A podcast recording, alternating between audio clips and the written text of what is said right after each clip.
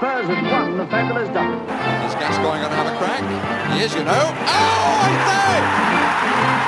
Brilliant! Gibbons! Superbly taken! Jaha, hjärtligt välkomna till eh, det vi kallar för Utbrytarpodden, eller för Arkivet. En eh, slags spin-off eh, av Ledley Kings knä. Vi som sitter här idag, det är jag, eh, den småländske frihetskämpen Robert Folin och med mig har jag ärade kamrat samt eh, ständigt livskrisande Marcus Håkman. Mm. Det börjar närma sig en riktig kris snart. För om eh, sex dagar så är det 35-årskrisen på riktigt. Så att säga. Men jag får ju bota den krisen med att prata det som håller mig så varmt om hjärtat, Tottenham. Och vi kommer ju inte prata om det som händer nu. Det är väl rätt viktigt att säga också i den här utbrytarpodden, eller vi ska kalla det för. Vad kommer vi prata om? Eh, det är så att vi kommer eh, grotta ner oss lite i det som har varit.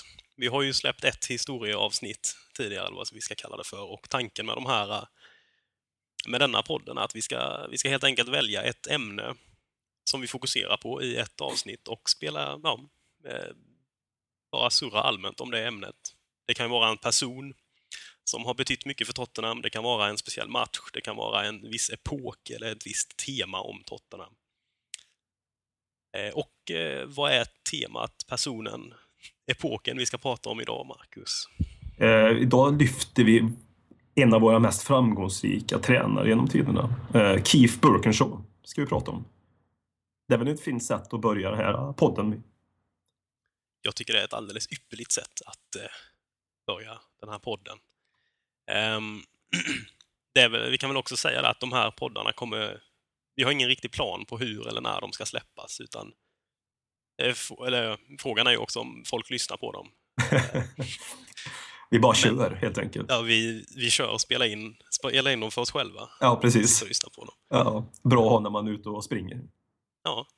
Nej, men lite då och då kommer Ja. de ploppa upp de här och tanken är att de ska vara tidlösa så man ska kunna lyssna lite på dem när man vill och i vilken ordning man vill. Ja. Och enda regeln är att vi bara kommer prata om det som har varit. Och det kan ju lika gärna vara det som har varit 2010 som det som har varit 1925. Liksom. Eh, Det har ingen, vi har ju ingen eh, gräns att det måste ha hänt eh, minst 30 år tillbaka i tiden utan ja, Nej. dåtid som en vecka lika väl som eh, 125 år. Det har ingen betydelse för oss. Precis så. Och med det så säger vi väl välkomna till arkivet. Välkomna!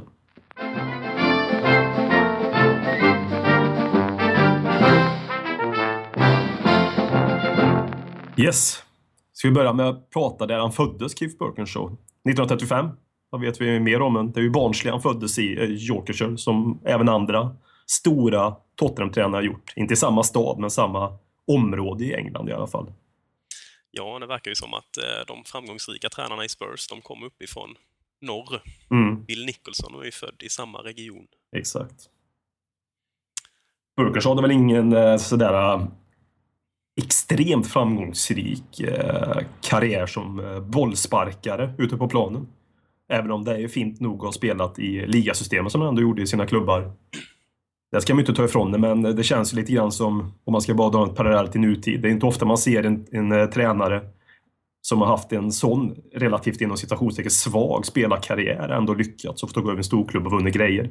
Nu måste du nästan ha en, eh, undantaget Mourinho och några andra, så att säga, eh, ha en eh, fin eh, spelarkarriär för att få ett eh, tränaruppdrag också.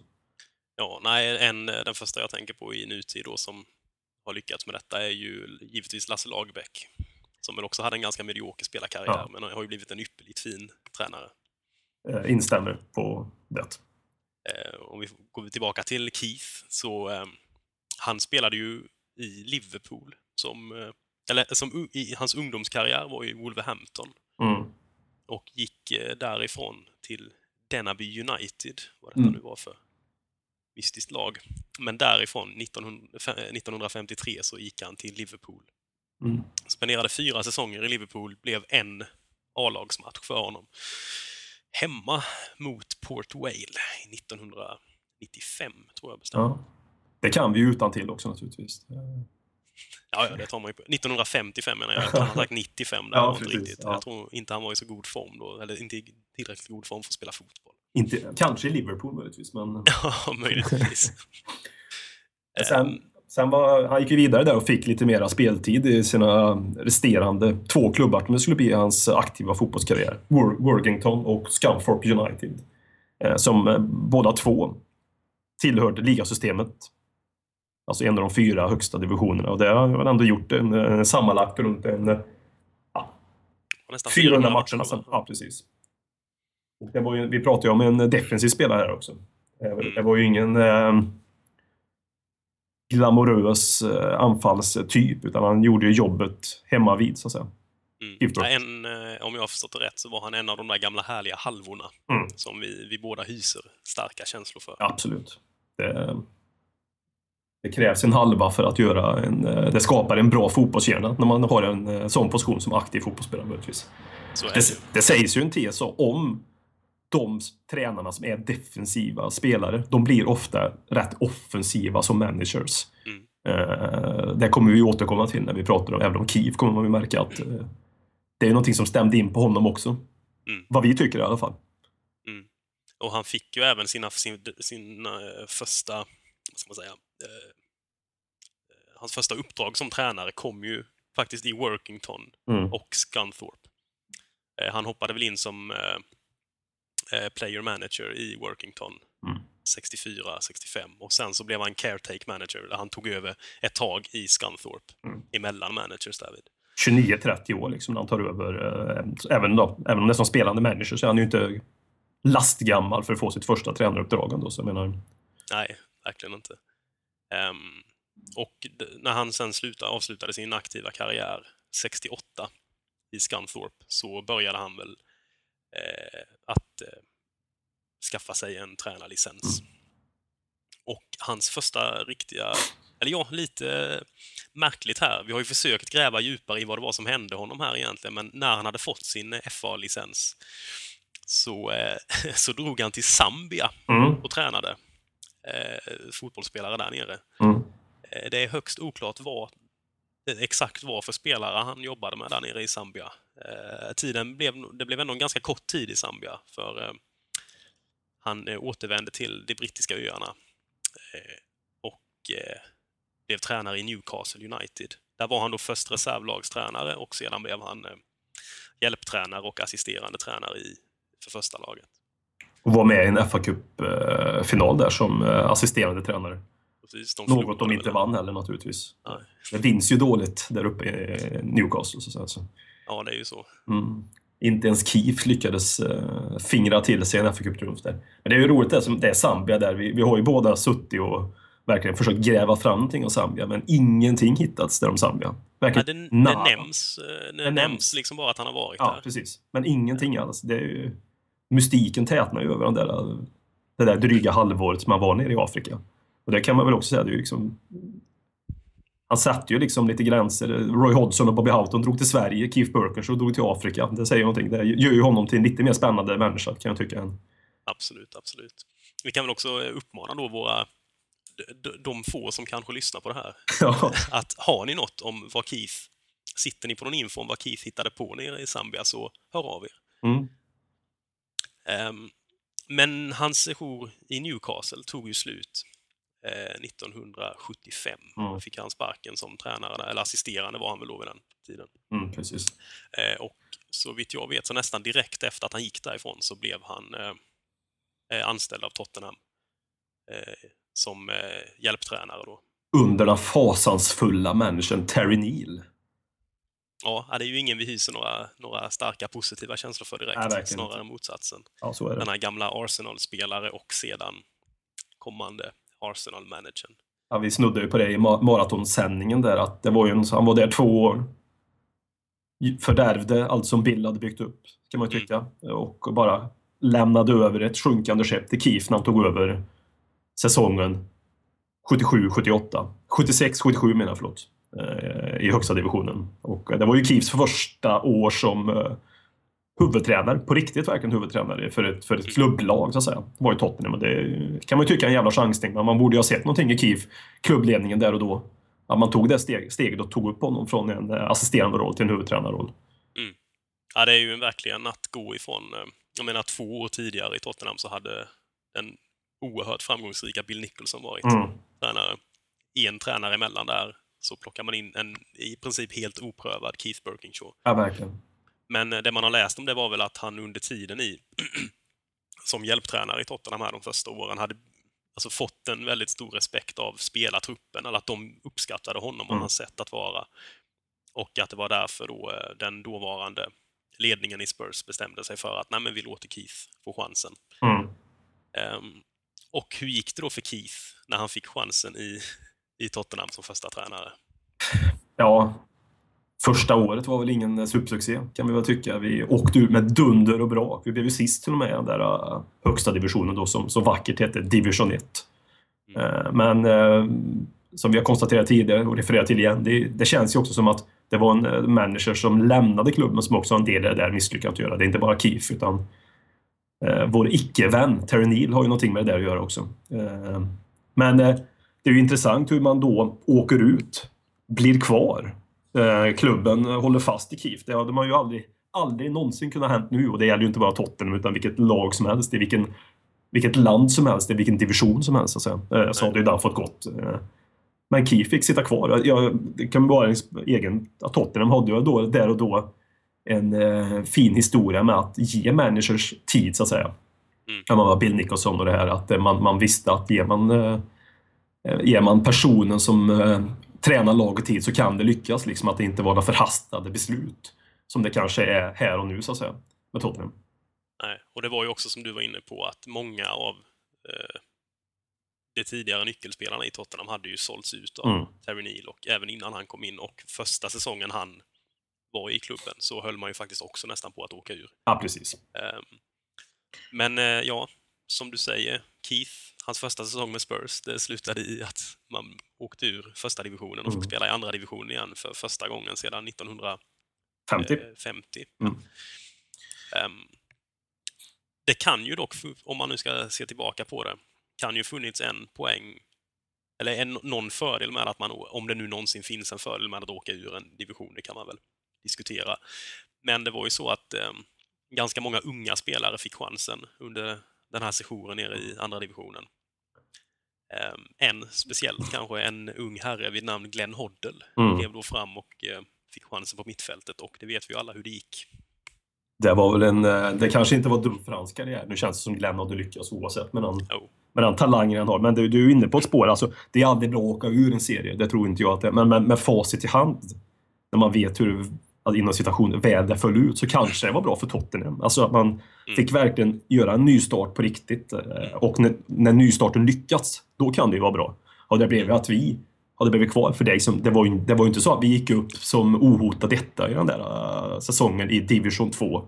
Eh, Utan det var ju på den tredje plats när det inte fanns några playoff och vi var ju på en målskillnadshistoria vi gick upp. Mm. Och mycket tack, mycket tack var en stor 9-0-seger som vi hade under säsongen. Mot Mot Bristol Rovers. Bristol Rovers var det va? Mm. Ja. Piraterna, ditt eh, Fifa-lag. Precis. Jag har ju börjat följa dem lite på riktigt nu också. Men det skiter vi i nu. Det får bli Mm. Ja. ett annat avsnitt. Nej, men det var väl det många, vi skaffade oss en bra målskillnad där och då. Just, eh, Mm. och eh, Brighton blev fyra den eh, säsongen. På samma poäng då, fast sämre målskillnad som sagt. Mm. Och vi var ju tillbaka där vi hörde hemma då.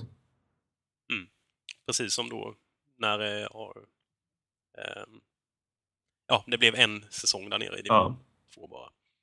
Eh, när vi gick upp igen där då ehm, så hände det lite grejer. Hände grejer. Det hände mycket Eh, grejer. Ja, då... Eh, det var ju faktiskt så att Keith var eh, inblandad i högsta grad i att eh, de första sydamerikanska spelarna någonsin köptes in till eh, engelska Mm. eh, ligan. Det var ju då 1978 så var det ju ett VM. Eh, vad var det nu det gick? eh, I Argentina, till och med. Just, Så just så, ja. Det var Mm. där nere. Eh, och ehm, Keith Birkinshaw satt på sitt kontor med eh, en annan herre som vi redan har nämnt, Bill Nicholson. Det är ju faktiskt ganska intressant också det att ehm, Bill hade slutat i Tottenham bara några år tidigare, och nu, Mm. fyra år tidigare, och nu var han tillbaka lite som nästan lite mentor eller rådgivare till Keith. Eh, och då fick Bill ett samtal från en herre som hette Harry Haslam, som väl var manager i Sheffield United. Mm. Han var ju kompis med Birkinshaw tydligen. Mm. Men ehm, han ringde upp eh, Bill Nick och eh, Nick, Nicholson svarade och sa “Hello Harry, what can we do for you?” Och då frågade Haslam “Tror du Keith, Keith är intresserad av att köpa Osvaldo Adiles eller?” Eh, Nicholson vände sig om och frågade Birkinshaw eh, “Harry, han är på telefonen här, han undrar om du vill köpa Ossi Adiles?” Och då svarade Birkinshaw “Is he pulling your leg or what?” Det är väl en brittisk term för att han med dig eller? Ehm, det var ju så att den här eh, Haslam hade kontakter och nästan ett litet scoutingnätverk nere i Argentina, eller i Sydamerika. Och eh, hade på något sätt ehm, fått nys om att Ossi Adiles kanske var sugen på att flytta ut i, och bli proffs i Europa. Ja, det var väl framförallt också i de här äh, sydeuropeiska länderna Ossi hade sett sig själv kunna hamna äh, och även Frankrike dessutom. Han hade väl ingen tanke alls av att komma till Tottenham, som han själv har sagt, Ossi Ardiles. Utan det var ju, äh, som han sa själv, Tottenham var den första klubben som kon- tog kontakt med mig, så då fick det bli Tottenham. Mm. Keith Burkers så tog ju planet över till Buenos Aires och fick ta rygg på en gammal argentinsk hårding Rattin som spelade med i VM 66 där och fick rött kort i en kvartsfinal mot England. Så det var ju Hanses kompis under vistelsen där. Ehm, och grejen var ju den när vi köpte Ardiles i Argentina så var ju det var ju Ardiles vi skulle köpa och ingen annan. Vi skulle ju komma hem med Ardiles på planet. Det var ju liksom tanken med hela vistelsen. Men när han satt och snackade med Osvaldo Ardiles så eh, föreslog Ardiles om man var intresserad av att köpa Ricardo Villa också. Och då tyckte väl Keith Bergson ja, det låter som en bra idé.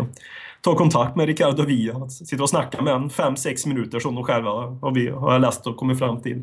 Skakar hand och sen senare dagen därpå skriver på kontrakt när lite så här små grejer utreds så att säga. Det, det, var, det var lite mindre komplicerat där och då att köpa de här, för det var ju bra spelare vi snackade om. Det här är ju inga Nej, nej, det var ju Ja. VM-spelare för Argentina. Liksom. Och Ardiles i synnerhet var ju en, Ja, ja. en ledande figur på det där mittfältet.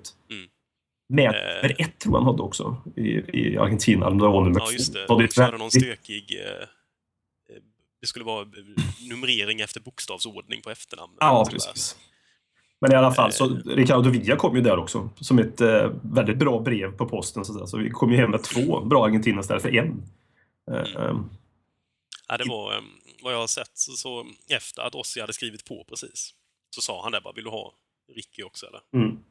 Eh, och så ringde Birkinshaw hem till Tottenhams ordförande. Sidney Whale hette han på den tiden. Och, eh, och han hade bara sagt till Birkinshaw att ah, är det det du vill så visst. Och sen så, ja, dagen efter träffade han Ricky och det skulle, tog bara en 5-10 minuter, sen var de överens och liksom, var han en Tottenham-spelare också. Mm. Ja, de, de kostar ju ihop en 750 000 pund och Ricardo Villa kostar ju lite mer än Ossi. Mm. Ehm, ja. Det är svårt att referera till vad det ligger i dagens summa. Man kan ju ändå förstå att det, för att få köpa de två spelarna så är det ju betydligt mer pengar om man gör om det till dagens summor, även om det är 750 000 pund. Så att säga. Ja, och skulle du åka ner och köpa liksom en, en nyckelspelare på Argentinas mittfält i, Ja. idag och sen en av hans polare också, har fått hosta upp lite pengar. Ja, så, Men det är ju ganska intressant där, att, Keith förstod ju redan innan att det här är en ganska speciell deal att göra, att Mm. plocka upp sydamerikaner till Storbritannien. Det är ju ganska modigt på något sätt med att bara säga att ja men vad fasen, vi, vi plockar en till när vi ändå är här. Liksom. Ehm, och också intressant här, det, det tyder ju på att Tottenhams ledning hade ett väldigt förtroende för Keith. I att han ringer hem till sin ordförande och säger är det okej om jag köper en till eller? Så, ja, ja, visst. Är det det du vill så plocka med honom också. Mm. Ja, det visar ju storheten in, att han hade en känsla för det där. Och han köpte ju oftast väldigt rätt spelare också. Det var ju någonting han gjorde sig känd för, att eh, de han köpte satt bra i toppen. Det var inte bara våra argentinare, utan det var det var Gareth Crooks, det var... Eh, får jag fasi här i stunden, men då, han köpte Gary Abbott också, så att säga, som kanske inte under den tiden var någonting som blev hans nyckelspelare, men i framtiden blev någonting jättebra för Tottenham. Ja, det var ju en Ehm, fantastisk värvning. Absolut. Gud, jag säger absolut. Och en billig värvning också från eh, Piraterna, Bristol Rovers så att säga. Mm.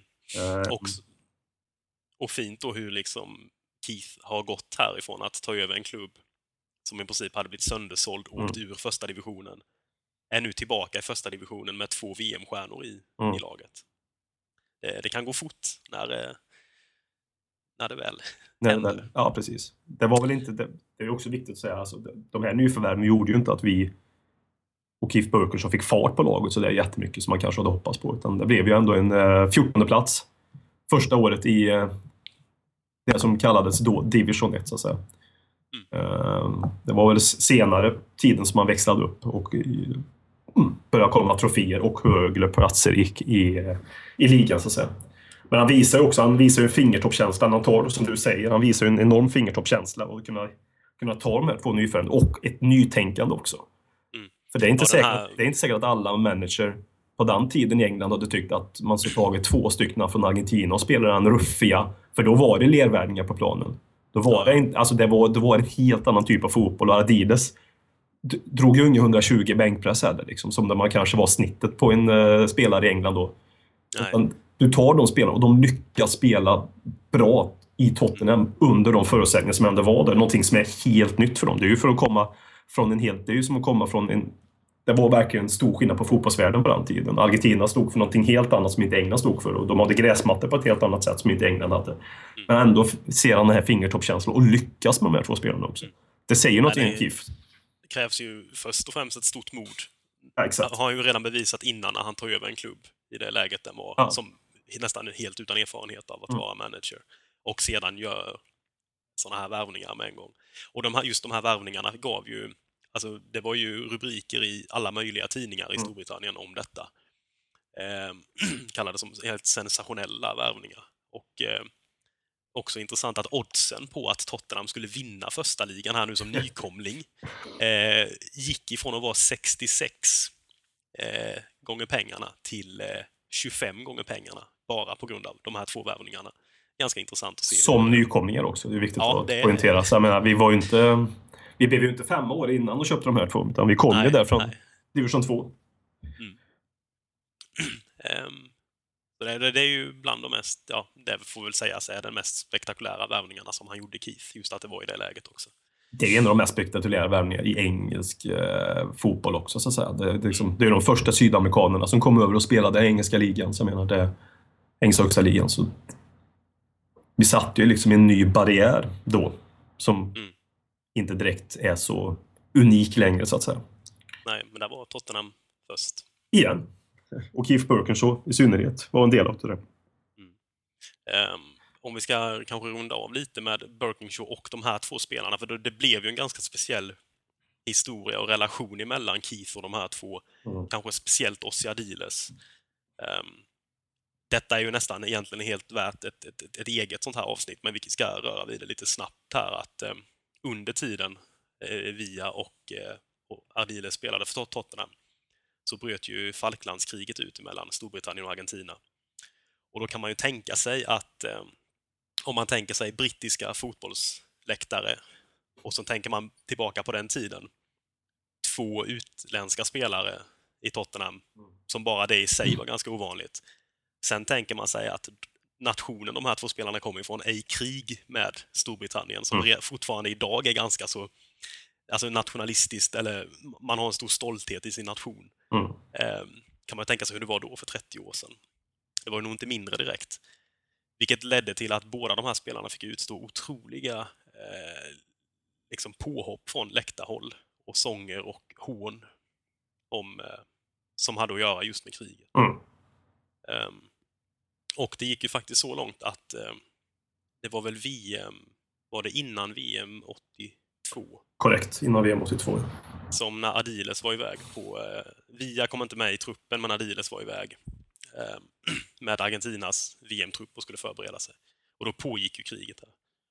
Eh, och då så förstod väl Birkinshaw att något stod inte riktigt rätt till här med Adiles, så han åkte ut för att möta upp Adiles när han var med argentinska landslagstruppen och skulle förbereda sig inför VM. Och då sa Adiles bara att eh, jag vill inte komma tillbaka till Tottenham. För att han kände, alltså den här, han, han har sagt att det kändes som att det var två bröder som slogs med varandra. Han, han tog det oerhört hårt att Argentina och Storbritannien var i krig. Eh, Birkinshaws svar då på, den här, på, på Adiles att jag vill inte komma tillbaka var att ja, men jag tänker inte sälja dig. Och sen sa han då att du kan få gå på lån någonstans i 12 månader, men jag tänker inte sälja dig. Liksom det, det kommer, all, kommer inte på tal. Eh, Så då, Adidas blev ju utlånad till Paris Saint-Germain i ett år, men återvände sen. Och under tiden här så höll ju Birkinshaw god kontakt med Adidas. De pratade ju sig vid. Det tog tydligen inte så um, lång tid, alltså från det att Adidas hade kommit till Frankrike innan han tog kontakt med Birkinshaw igen och sa liksom, "Okej, kan du inte få tillbaka mig till, till Tottenham igen? Mm. Eh, men det, han kom ju tillbaka efter lånet, så han spenderade ju eh, 12 månader på lån i PSG. Fiske, precis. Ja, han, eh, nej, det, var en, det visar han ju också att han är en eh, human människa också. Keith Birkinshaw. Eh, som eh, hade hårda nypor som vi vet, men även kunde visa, ha förståelse för en sån här unik situation som det detta ändå var. Så att, säga, att han, eh, som du beskrev där i upplägget så är det ju, måste ju varit ett helvete både för Ardiles och Via naturligtvis under den här tiden. Eh, och med allt de fick höra på bortaplan och även hemmaplan. Inte från oss, men från eh, motståndarsupportrar. Det var nog eh, glåp och ord som skulle kunna få vilken Premier League-match idag att eh, avbrytas kan jag tänka mig nästan. Tror jag. Eh, Ändå intressant att, eh, för jag menar detta är ju något, det fortsatte ju även efter, för kriget Ja. tog ju slut, men, eh, och sen åter, båda två spelade ju för Tottenham. Men, och det intressanta är ju att båda ändå levererade under den här tiden. Alltså när de väl spelade för Tottenham så var det ju inga dåliga spelare. Karaktär, vinnarskallar vi pratar om. Ja, också. och det måste ju också haft någonting att göra med hur Birkinshaw hanterade Exakt. dem. Exakt. De måste ju känt att de hade stöd ifrån honom. Exakt. Eh, Men om vi ska då här i början på 80-talet, var ju då, kan man väl säga att Birkinshaw verkligen började liksom skörda frukten Mm. när det gäller titlar i Spurs. Ja, det börjar ju det. Ja, det börjar ta fart där. Alltså det, en av nycklarna som, som beskrivs och som, eh, en, förutom de här fina nyförvärven vi redan pratat om, det är ju Archibald och Gareth Crook som köptes in som ett anfallspar inför säsongen 80-81 och eh, de sattes ju väldigt fint ihop och ja, det klickar så att säga, man är två anfallspar. Mm. Och sätter du en sån vikt, viktig position så eh, är ju ganska mycket vunnet så att säga. Eh, Just säsongen 80-81 så eh, vann vi också vår första titel under Keith Birkinshaw. Eh, och då gjordes ju ett legendariskt mål som, är, som beskrivs en av de vackraste målen på Wembley, så just utav Ricardo Villa i returmöte. För på den tiden spelar man ju, blev det oavgjort i första matchen så var det ju även retur i finalen så att säga. Eh, och det var just i den här returen vi vann mot Manchester City och Ricardo, Ricardo Villa gjorde, han gjorde väl ett mål mål om jag inte minns helt fel så här. Och det var ju då han sprang, sprang slalom igenom Ja, ja, halva Manchester Citys lag. Ja, exakt. Och det, det är ett klassiskt mål även, eh, inte bara för Tottenham, det är ett, det är ett klassiskt Wembley-mål. Mm. Eh, Så då, då vann vi ju den här första titeln med Keith Burkens och då, då blev det ju som en catch-up-effekt sen. De resterande tre åren med honom under rodet eh, vann vi ju grejer och gick, eh, gick lite bättre i... Vi blev ju tia i ligan den säsongen. Eh, så vi var ju... Vi var ett mittenlag, men vi började växa in i kostymen liksom ändå. Vi kom från en 78-79 som vi hade en 14 plats och 10 plats. Så liksom sakerna då började sätta sig i Tottenham på rätt sätt redan där och då. Ehm, men det var ju en fin, fin titel och eh, vi tog då vår, eh, vad blir det, vår sjätte titel på, eller ja, vår sjätte fa Cup-titel tror jag blir då. Ehm, under den, eh, under den finalen mot Manchester City. Och eh, nycklarna som vi sa, nyförvärven där, anfallsparet och eh, Glenn Hodden naturligtvis på mitten som eh, var en av de där som började växa in i Premier League, eller Division 1-kostymen mer och mer. Eh, Det fanns ju en annan herre med som huserade där på, på mitten, en eh, Steve Perryman. Exakt. Det, det finns ju lite roliga grejer med Steve Perman bara för att fylla in. Eh, Keith Burkers har ju pratat om sina spelare i efterhand. Han har lagt Tottenham-skorna på hyllan och han har ju verkligen lyft fram Steve Perman som den bästa lagkaptenen han haft. Det kanske också var den enda lagkaptenen han hade, men alltså den största ledaren på planen om man säger så. Det Perman när de spelade att är det någonting som du tycker ska ändras under matchens gång, kom inte och fråga mig, bara gör det. Så att säga. Gå in och ändra det själv, jag litar på det till fullo. Eh, de satt ju även och pratade till exempel på söndagarna, två, tre timmar i telefonen. Eller på ett kontor på White Hart Lane om matchen som har varit, ja, möjligtvis också träningarna. Så, att säga. så han, han eh, hade ju en extremt stor respekt för Steve Perryman som ledare och fotbollshjärna där för Tottenham. Eh, och han var verkligen den här eh, förlängda armen ut som han så populärt pratar om och som även eh, Bill Nicholson hade, som vi säkert kommer gå in i framtida arkivpoddar så att säga. Mm. Men eh, Steve Perryman där och då, han var ju... Han är ju vår största... En av våra största spelare någonsin. Och eh, också kanske även en av de största fotbollsscenerna någonsin. Enligt Keith Burkhardt himself. Ja. Och eh, säsongen efter här, eh, 81-82, det var ju under den här perioden som, eh, eller i slutet på den här säsongen, som Falklandskriget bröt ut och Mm. problemet med argentinarna började. Ehm, Det var ju så att inför, även då, hade ju Tottenham tagit sig till fa Cup-final. Eh, Men varken Ardiles eller eh, Via spelade i den finalen. Nej. Ehm, Men likväl så plockade Tottenham eh, ytterligare en fa Cup-titel den säsongen. Och det får man ju säga var ganska, ganska hyfsad start på 80-talet för Keith. Måste man ju säga. Två säsonger, två FA-cuper. Det var ju en fin säsong i övrigt också. Inga, det var ju inga mer titlar vi tog, men vi gick ju väldigt långt i allting vi spelade. Då. så liksom, han hade verkligen börjat sätta ett, ett, en formel som funkade eh, på alla plan. Så så här, Vi fick en fjärdeplats i ligan. Vi låg väldigt bra till i ligan fram till eh, mars någon gång där. Låg tvåa i ligan till och med. Eh, och eh, tappade mycket på slutet. Mycket beroende på att vi kom till en semifinal i den fina, fina cuperna-cupen som fanns då. Vi gick även till en final i ligacupen och förlorade mot Liverpool.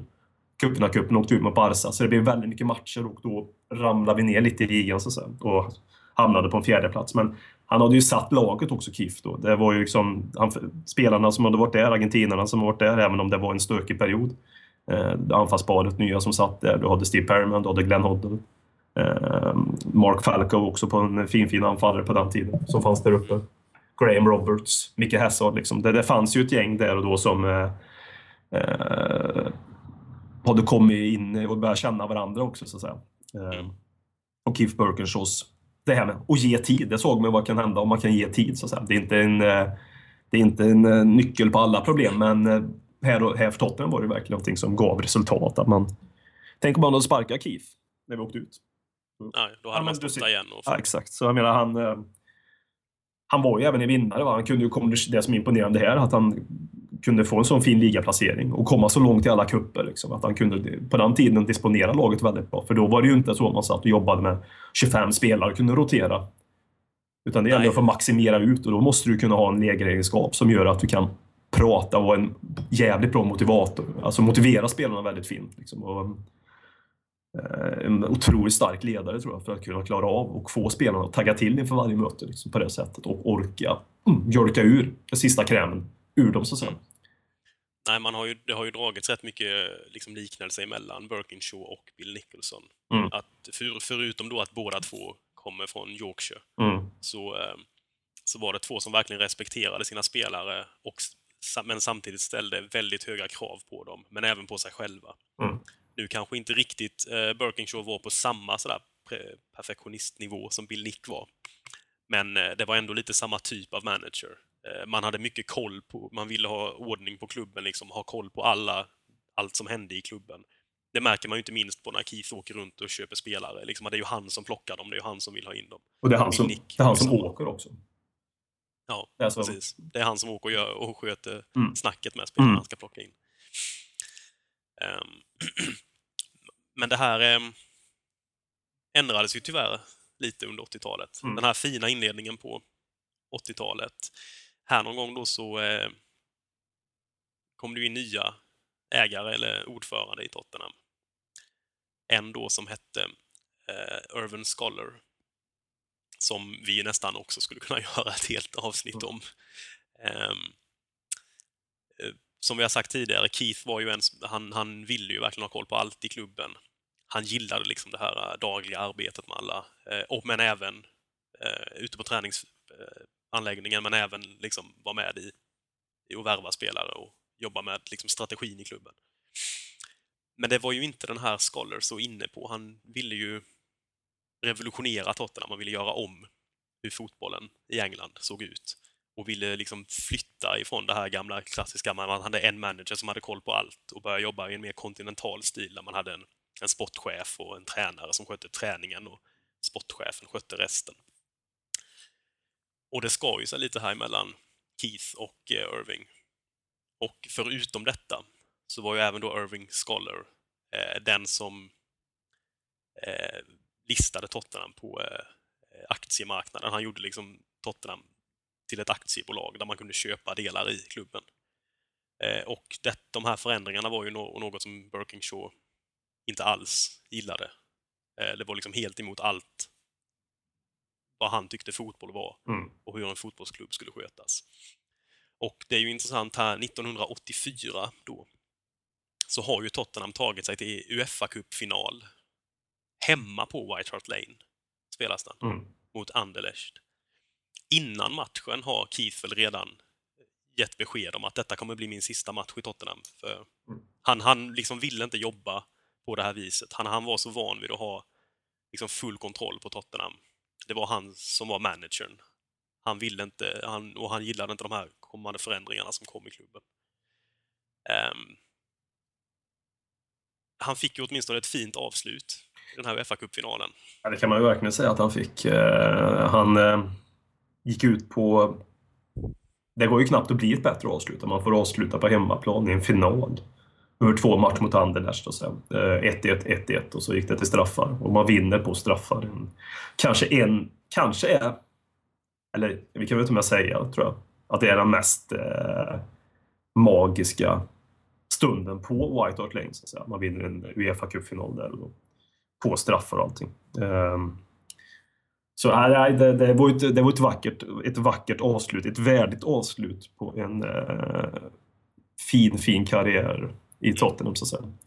Och även, ju- även ett tragiskt avslut på sitt sätt som du är inne på där, att han Jo. eh, lämnar. Men också, också ett värdigt avslut för hans sätt, så att säga. Att han, att han är principfast och eh, ja, det säger ju också någonting om personen. Mm, ja, precis. En ärlig människa liksom som inte... Mm, Och på något sätt så det är ju, blir ju så att Tottenham svek Keith snarare än ja, så är det. alltså, det andra hållet. Mm. För, ehm, han hade ju uppenbarligen bevisat att han hade något på gång och att han kunde hantera eh, både att värva in och sköta träningarna med tanke på resultaten han hade levererat. Så. Men hans principer stred emot det här som man väl ändå får börja säga är eh, inledningen, eller början på modern fotboll i Storbritannien. Det var ju ingen annan klubb i Storbritannien som var, ett aktie, eller var aktieägt eller som man kunde köpa eh, på aktiemarknaden. Så Det var ju Tottenham som var först med det. Vi brukar ju säga med stolthet att vi eh, var först med det, i alla fall personligen. Men personligen kanske jag inte känner lika mycket stolthet att vi var etta på den här bollen. Ehm, Men Det var Man känner väl mer, lite mer stolthet i att man var första klubben som vann dubben eller första klubben som vann en Europatitel eller första klubben som vann eller som värvade argentinare till England kan jag ju känna. ja, precis. Så är det. Ehm, och det är ju även då efter, det finns ju en sägen. Detta är ju faktiskt det är ganska intressant. Det är ju, eh, många skulle nog säga ett av de mer kända Mm. eh, Tottenham-citaten från, som är relaterat till Tottenham. Mm. Eh, det ska ju då vara att när han lämnade White Hart Lane för sista gången så gick han eh, bort från arenan och sen vände han sig om och tittade mot västra sektion, eller västra läktaren. Mm. Och så sa han eh, “There used to be a football club over there”. Ja, det är underbart. Det är underbart sagt. Om man nu sa att det är, det är, det är ledsamt att få höra mot Tottenham, men det är ju en citatmaskin. Mm. Ja, det är ju det också. att Detta är ju ett, det har ju på något sätt blivit accepterat som ett citat, men det är ju lite svårt att veta vad det, vem det är som har sett Ja. detta och sagt att han gjorde så. Det är viktigt att säga, som sagt, det finns ingen eh, hundraprocentigt bevis på att detta sades. Och, eh, det vi, sägs... vi, vi säger väl att det var så. Ja, nu är det hundraprocentigt. Det kommer ju från eh, de- Folins mun. Nu är det hundraprocentigt. Mer än så. Jag nöjer mig med det. Det är empiriskt. Vi har empirin på vår sida.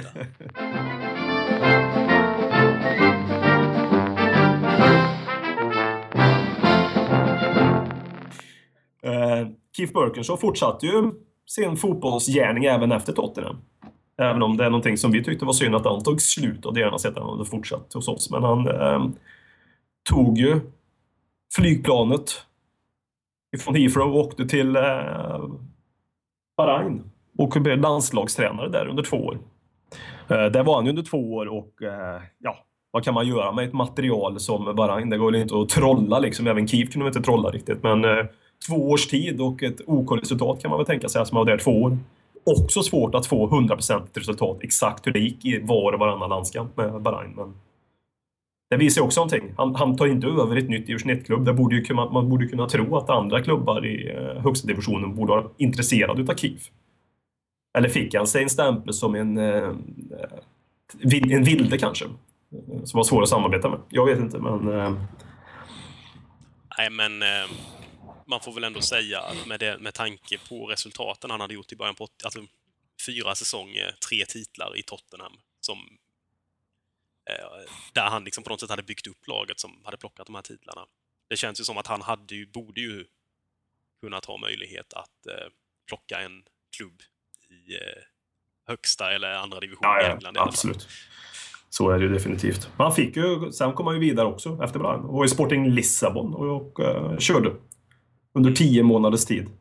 Uh, vann den ärofyllda trofén Supercupen, som är väl eh, motsvarigheten till Charity Shield, så att säga, för att förenkla. Så, att säga. så det var väl inte Sporting Lissabons allra finaste trofé, men eh, han var där och gjorde sin grej, men inte sin grej lika väl som i Tottenham tyvärr. Nej. Eh, Men Ja. han fick ju sparken ifrån Sporting. Ehm, det, det började väl, det var väl under andra säsongen tror jag han fick gå. Och det hade ju varit en, en hel serie med dåliga resultat. Och efter Sporting så, ja, det var ju lite som att hans karriär, den blev ju begravd därefter. Han gick till Gillingham, tog över den klubben, stannade bara där i, i ett år. Eller inte ens det, han slutade i april, slutet på samma säsong som han hade anslutit till klubben. Då höll de på att åka ur division 4. Ehm, därefter sen så jobbade han som scout åt eh, Glenn Hoddle och Ossi Diles som var och tränade i Swindon Town. Vilket ju får en att känna lite, lite för Swindon, att de har haft ett sånt fint tränarpar. Ehm, och sen då, 92, blev han assisterande till Adiles i West Bromwich.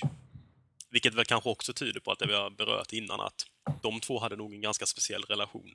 Mm. Ehm, och då när Adiles 93 gick och blev Tot- Tottenhams manager så tog Birkinshaw över för West Bromwich. Eh, varade också bara en säsong och de nästan höll på att åka ur eh, division 2. Mm. Eh, och därefter sen så blev han ju lite, kanske småironiskt, sportchef i Aberdeen. Denna roll som eh, ja, fick honom att nästan sluta Tottenham. Ja. Ja, men så var det. Var den första sportchefen i eh, fotbollen i Skottland, så att säga. I skotsk fotboll var han ju också. Så där var han först.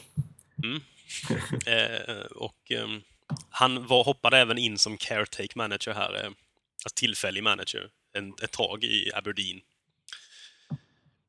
Eh, men det, han, det var bara en kortare period. Ja, precis. Sen så var det ju, det kändes ju här lite som att nu är ju Birkinshaws karriär helt slut. Liksom. Han är ju över som manager. Mm. Eller som i tränarrollen egentligen. Så är det ju. Så eh, känns det som. Men eh, det blev en revival. 2006. Det blev det.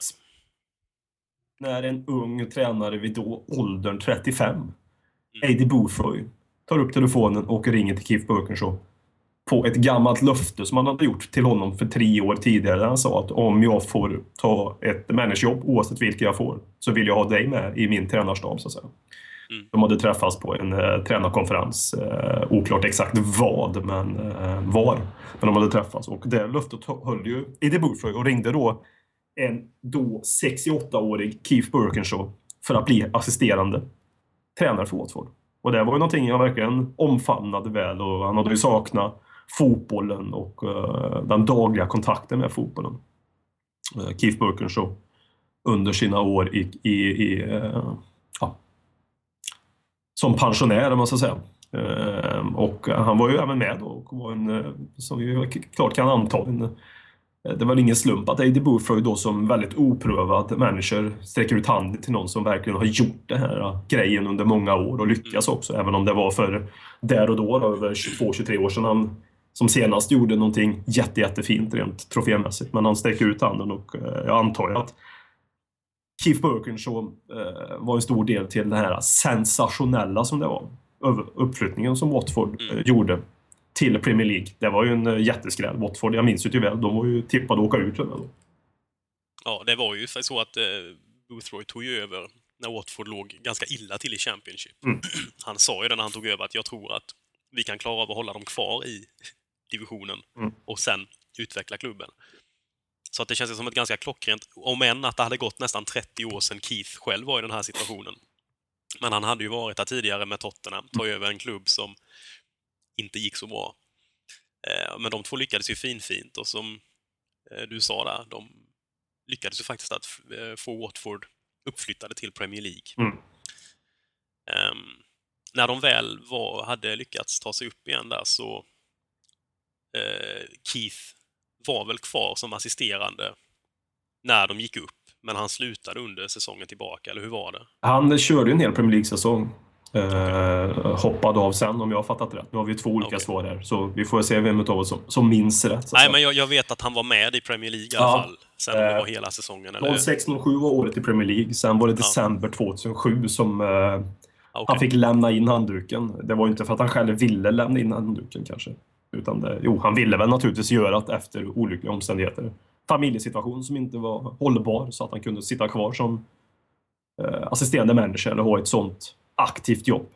Mm. Som han hade. Så han fick ju tyvärr ja, signa ut och gjorde sin sista, sista, sista gärning som manager. Man har ju svårt att se att han ska komma tillbaka nu.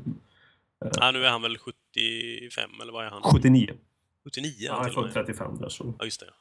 Eh, Så det är väl, det är väl tveksamt eh, om vi får se den igen. Men det är ändå fint att han efter några år och några kanske inom citations... Alltså några misslyckanden om man så nu säger att eh, det är på 90-talet och tiden efter Tottenham så får han ändå vara med om en jättefin grej och ta upp Watford i Premier League. Även om Premier League-säsongen i sig blev ett misslyckande. Eller misslyckande, man blev sist. Det var ingen som hade förväntat sig något annat. Eh, Så var han ju ändå med och skapade någonting och det, det bör man ju inte vara Tottenham-supporter eller Keith Burkers-älskare för att räkna ut att han hade en del i detta när han eh, jobbade med en oprovad manager som säkert tog väldigt stor del och lyssnade mycket på honom och såg upp till eh, Keith Burkers. Keith Burkers var ju själv imponerad av Aiden Booth. och hade idéer som jag aldrig varit med om tidigare som fotbollstränare. Uh, Aiden Booth var i framtiden. Så, nej, det, är- det är ju fint också. Prestigelöst där igen. Att han gör det för kärleken till sporten. Han kommer tillbaka och blir en assisterande manager har inga problem med det utan han hade ju nog en genuin kärlek till sporten. Eller nog, han hade en genuin kärlek till sporten och har en genuin kärlek till sporten. Eh, Nej, det ser man ju på, på uppdragen han har tagit här efter. Jag menar, detta är ändå Tottenhams näst mest framgångsri- framgångsrika manager genom tiderna. Mm. Eh, som liksom går och blir assisterande till en nästan helt grön 35-åring i Watford. Och han, han, jag har ett citat där från Keith då när han hade eh, skrivit på för Watford som assisterande. Att han sa att när, eh, nu översatt lite fritt här, men när, när, han, när jag själv började eh, jobba som tränare så hade jag ingen bredvid mig som kunde hjälpa mig. Och jag hoppas att den erfarenheten jag har kan eh, vara till nytta för både Adrian och för Watford. Mm. Och det tyder på att liksom, han gör det för sporten, men även för att han känns som bara en genuint bra människa. Det är flera sådana här saker man ser. Jag menar, han har varit assisterande till gamla spelare, han har varit scout till Hoddle och Mm. Adiles. Det verkar vara ett stort hjärta. Ja, verkligen. Han är ju även invald, som kanske alla redan förstår, i Spurs Hall of Fame också. Som han blev 2004, men det, det känns ju som en självklarhet. Men det är ändå viktigt att påpeka att han eh, ändå finns där. Mm. På en rättfärdig plats naturligtvis. Eh, nej, men han är väl... Uh, ska vi summera hans eh, lite egna tankar kring uh, Keith Burkers som människa och hans eh, tid som tränare? Och, vad, vi fått, Ja. vad, har du känt under tiden du gjort det här researcharbetet kring det? Nej, men just det som jag varit inne och berört lite här redan, att det verkade vara en, en person med hjärtat på rätt ställe och med, liksom, han stod upp för sina principer med en ärlig människa. Mm. Um, enda som jag har läst om där, det är inte riktigt, förutom då bråket med Tottenhams ordförande, det är att han efter ett tag hamnade lite på, i, i bråk med Steve Archibald faktiskt. Eh, det hade något, någonting i början av hans sista säsong, så var det någonting eh, med att Archibald inte hade köpt eh, något, något byte han försökte göra eller vad det var. De hade hamnat lite på sned med varandra. Men förutom det så är det ju svårt att hitta något annat eh, om att Keith skulle ha problem eller var, bråka med, med folk. Um, han har ju även efter här, jag minns, eller jag hittade en, en grej här om när, när Ramos var i blåsväder i Tottenham. Då under säsongen 08-09. Mm. Så eh, gick ju Keith faktiskt ut och försvarade Ramos och sa att eh, när jag åkte ur ligan med Tottenham så stod de kvar vid mig. Eh, och menade att det hjälper inte alltid att bara sparka tränarna. Nu sket ju Tottenham fullständigt i vad Keith sa där och sparkade Ramos och plockade in Redknapp och det blev kanske bra den gången. Ja, Men- eh, vi kanske, det är dumt att säga att eh, vi är missnöjda med det, även om vi har pratat om att ge tränare tid kanske är bra också. Men när man vet resultatet på den historien så, ja. Nej, men det, är jag tycker det säger ju ändå lite om Keith också, att han går ut, för han har ju liksom ingen reell relation till Juan de Ramos. Nej. Men Nej, jag nej. känner ändå att jag kan gå ut och försvara honom. Liksom, han känns som att han har respekt för andra tränare också. Mm. Ja, utan att ha någon egen vinning i det, utan han gör typ Ja, ja, nej, det, det, vad skulle han vinna på det? Ingenting. att, det. Och det är ju det som är fint med det. Och det är ju det som... Eh, bara för att fylla in texten, är du så också, att det är det som st- står ut för mig också. Att det, det känns som en, en ärlig människa och en prestigelös människa. Eh, just för att du var inne på att han har eh, oftast kommit tillbaka till och jobbat under till de här gamla spelare han har jobbat under. Där det kanske egentligen borde finnas en hierarki där Keith är pappan. Och han kanske alltid varit pappa, men han har inga problem med ändå att lägga sig under dem rent hierarkimässigt inom en klubb. Nej. Utan han finner sig i en ny roll och har inga problem med det vad jag förstått heller. Utan samma sak med Eddie Boothroyd, han finns ju där. Eh, Och som du säger med Juan de Ramos, han fanns där för Juan de Ramos, ja, på något sätt. Genom att ge ett officiellt stöd om inte annat. Det, vad det nu betyder, det betyder ju ingenting, men han gjorde det ju lika väl så att säga. Mm. Eh, nej, så det, nej, jag. Man visste ju en del om Keith Burkers innan, men eh, långt ifrån lika mycket som, man, som jag känner att jag vet nu. Och det finns säkert eh, hundra sidor till att läsa om Keith Burkers. Eh, Men man, det är ju också svårt att inte tänka i tankarna liksom, om vad hade hänt om Keith hade fått fortsätta i Tottenham. mm, mm. För jag menar, de första tre säsongerna han var i klubben så åkte han ju ur och spelade division 2. Började sen egentligen bygga upp det laget som började skörda framgångar i början på 80-talet. Jag menar, det var, vi pratade, det var tre titlar på fyra säsonger. Mm. Någonting var ju på gång. så var det ju. Sen fick, eh, tyvärr, så gick han ju där.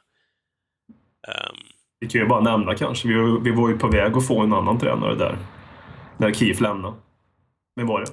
Ja, det var ju så att eh, 84 när Keith gick så hade ju Irving Scholar det här uppdraget att försöka ersätta honom. Och han hade ju faktiskt en muntlig överenskommelse och hade skakat hand med en viss Alex Ferguson, som då var manager i Aberdeen, Mm. om att han skulle ta över Tottenham. Ehm, om man ska dra någon parallell här mellan Keith och Alex så var det ju att de båda var nog väldigt trogna och principfasta för eh, anledningen till att Alex Ferguson inte tog över Tottenham då var att eh, han hade en väldigt nära relation till ordföranden i Aberdeen och eh, kände liksom att eh, han höll på att svika honom om han hade lämnat just då. Mm. Sedan, två år senare, gick han ju till, eh, till United istället. Mm. Ja, Eh, den historien känner vi ju till. mm, Hur det det gick blev ganska hyfsat. Så det, det känns ju som, som ett eh, dubbelfel, kanske världens största dubbelfel någonsin.